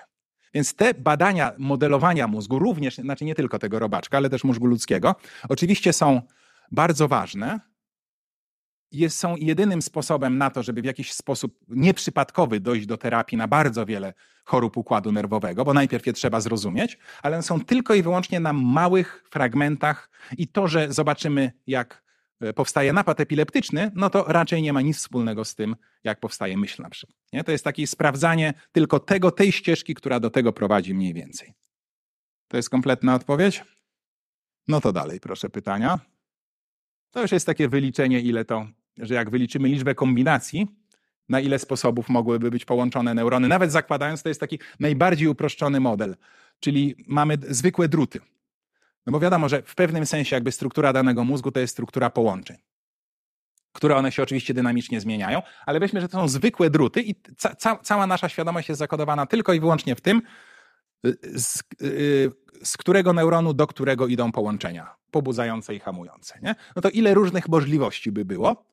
No to jest tyle, na ile można, nawet zakładając, że jest tysiąc tych połączeń, no to jest taka liczba kombinacji, to w szkole średniej było symbol Newtona, na ile sposobów możemy wybrać tysiączne połączenia z 10 do 11 neuronów. No i to są takie liczby rzędu 10 do potęgi 8 tysięcy, nie? No całkiem spora. Co z tego? No ile jest liczba atomów we wszechświecie, liczba mikrosekund od wielkiego wybuchu, to by było, jakby to wymnożyć, to pewnie 10 do 200 by było. To nie jest duża liczba, to jest liczba absolutnie niewyobrażalna. Nie?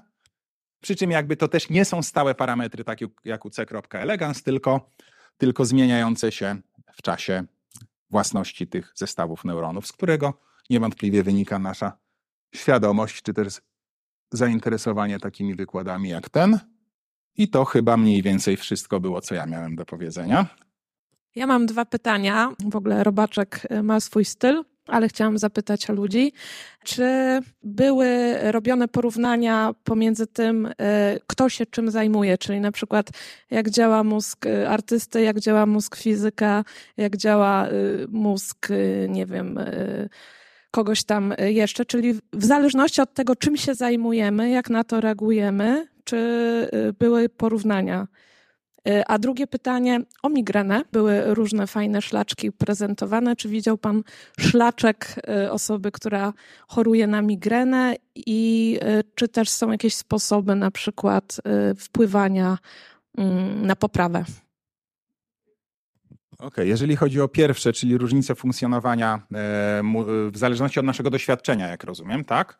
No to jest pytanie do Państwa, którzy tu w tym gmachu pracują bardziej. Jak, jak zaprojektować takie doświadczenie? No bo Pani mówi, czy jest różnica, tak? No to ja na to odpowiadam, czy wróbelek ma jedną nóżkę bardziej. Jaka różnica, tak? Trzeba, i to jest coś, czego ja nie potrafię, ale są zespoły interdyscyplinarne, są tutaj Państwo e, z SWPS-u, którzy tak potrafią wymyśleć prawdopodobnie takie doświadczenie, na którym wyjdzie nam ten kontrast. Co Pani najpierw z Panią musiał porozmawiać taki psycholog, powiedział, co pani ma na myśli, mówiąc inaczej pracuje. No co, czy to jest zdolność mnożenia, czy to jest reakcja emocjonalna na filmy, tak?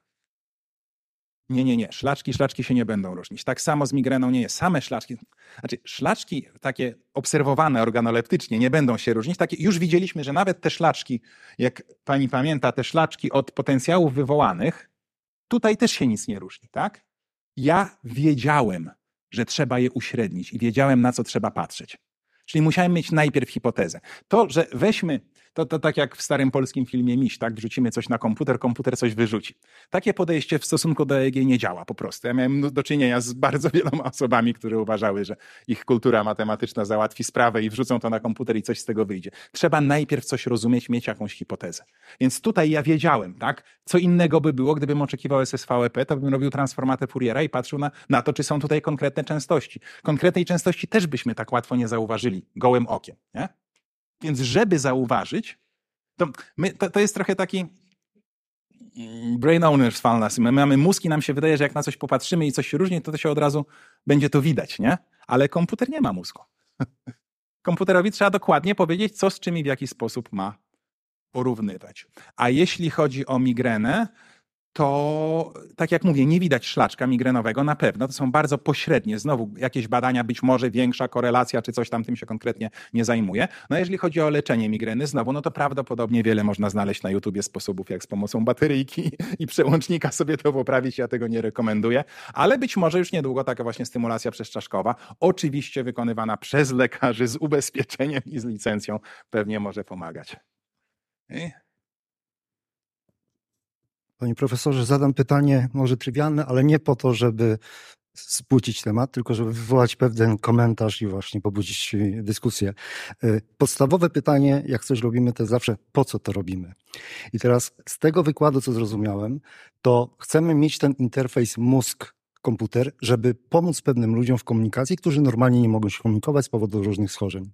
I teraz na przykładzie różnych, które Pan pokazał, Wiem, że mogą być dysfunkcja wszystkich mięśni, ale zazwyczaj któryś mięsień działa, zazwyczaj mięsień wzrokowy czy powieki. I teraz rozumiem, że jest bariera, czy inaczej, jest chęć, żeby jak najszybciej po prostu się komunikować, ale wciąż, czy nie można właśnie skupić się zamiast na odczytywaniu fal mózgowych, to na interfejsie, który w zależności od indywidualnej osoby, która jest upośledzona ruchowo, e, jeśli chodzi o całe ciało, żeby mógł właśnie sobie wybrać, czy to kierowane wzrokiem, czy jakimś ruchem głowy, czy ust, dmuchnięciem i tak dalej. O to mi chodzi. Dlaczego się koncentrujemy na odczycie fal mózgowych, które są fascynujące, versus urządzenie czy interfejs, który pozwoli tym ludziom upośledzonym ruchowo się komunikować ze światem? To jest absolutnie doskonałe pytanie i Państwo właśnie po to tu przychodzicie, żeby takim jak my zadawać pytanie, po co to jest. Bo to, że dla mnie to jest ekscytujące, że ja się świetnie bawię i jeszcze mi za to płacą, to nie jest wystarczające i po to są właśnie takie spotkania, żebyście wy byli świadomi, na co idą Wasze podatki.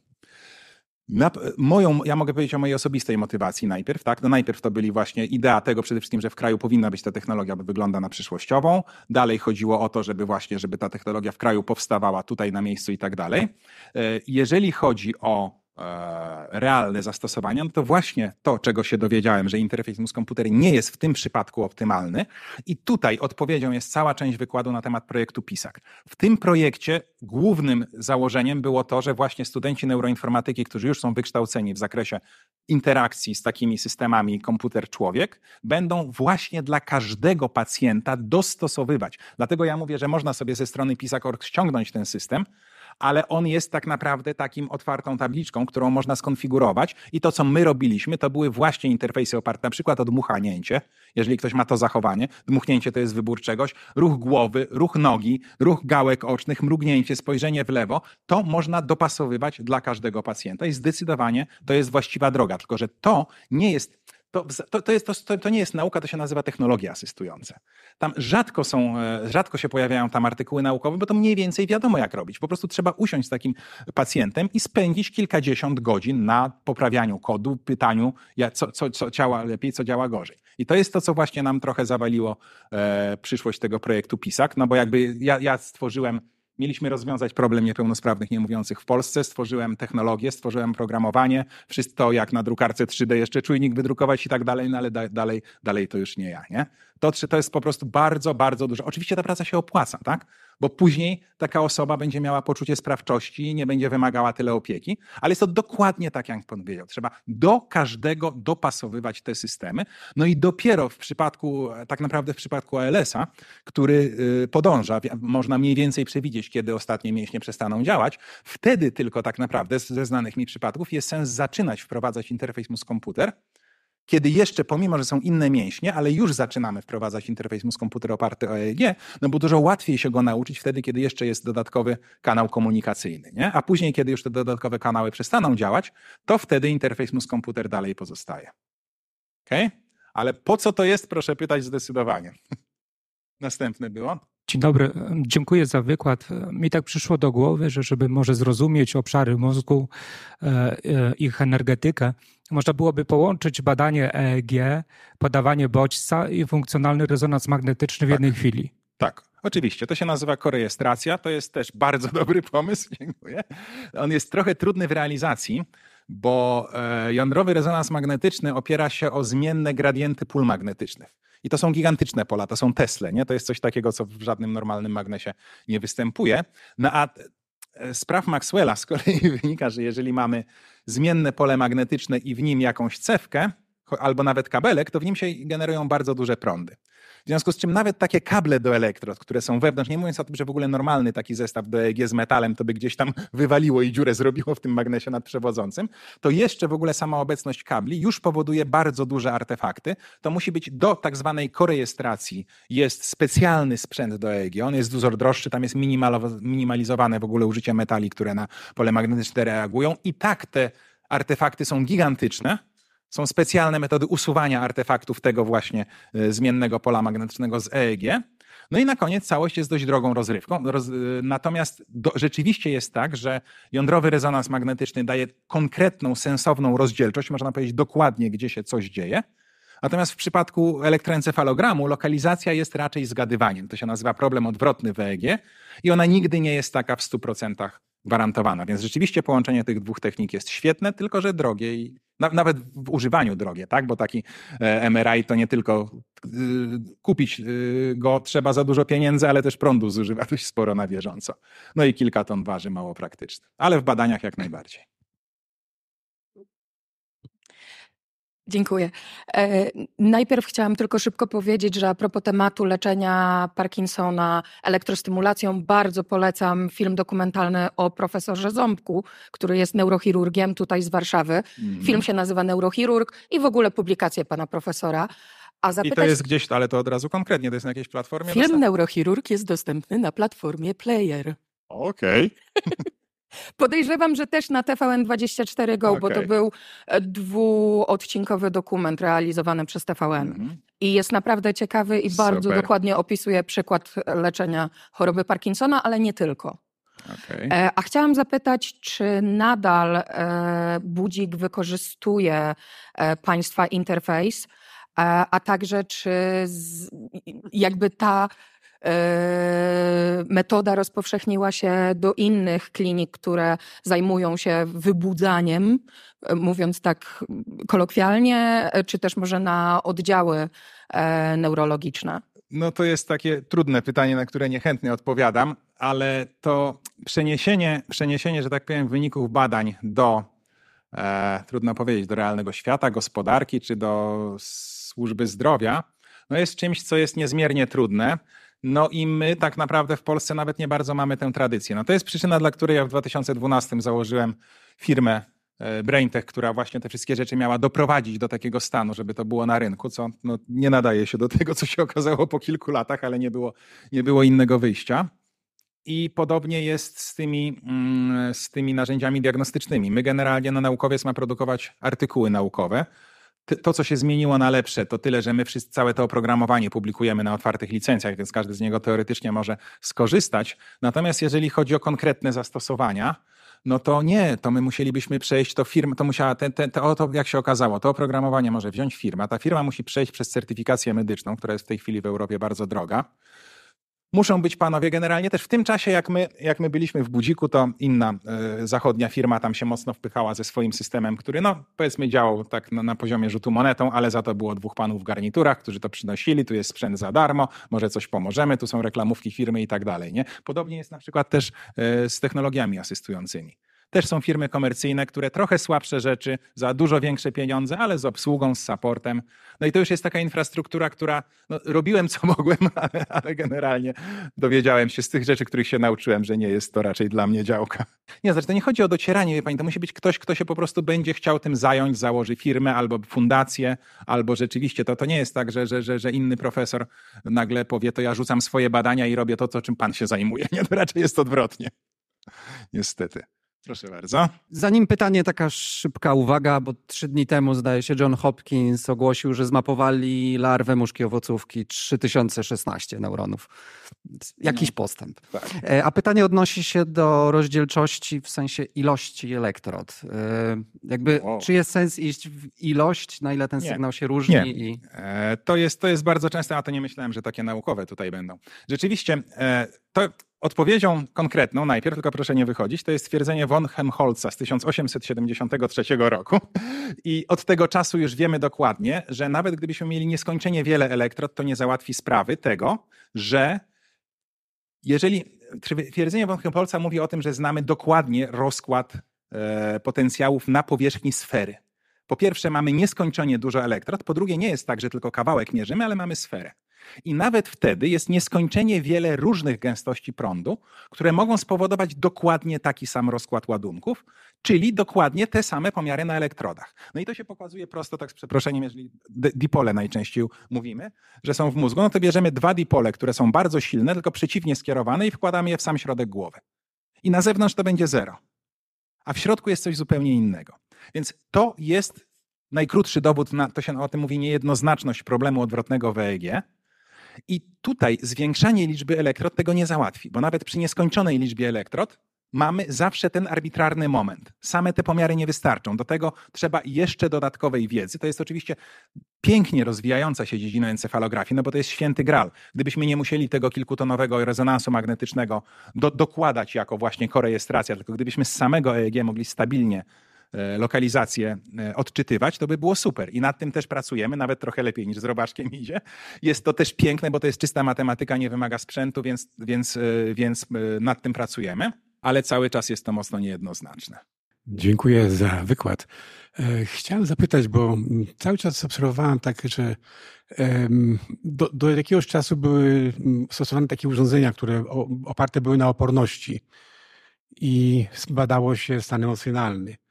Y, e, tak, to jest GSR, galwaniczna GSR. odpowiedź skóry. E, do niedawna też widziałem często właśnie na tygodniu mózgu urządzenia, które jakby zbierały sygnały z płatów czołowych.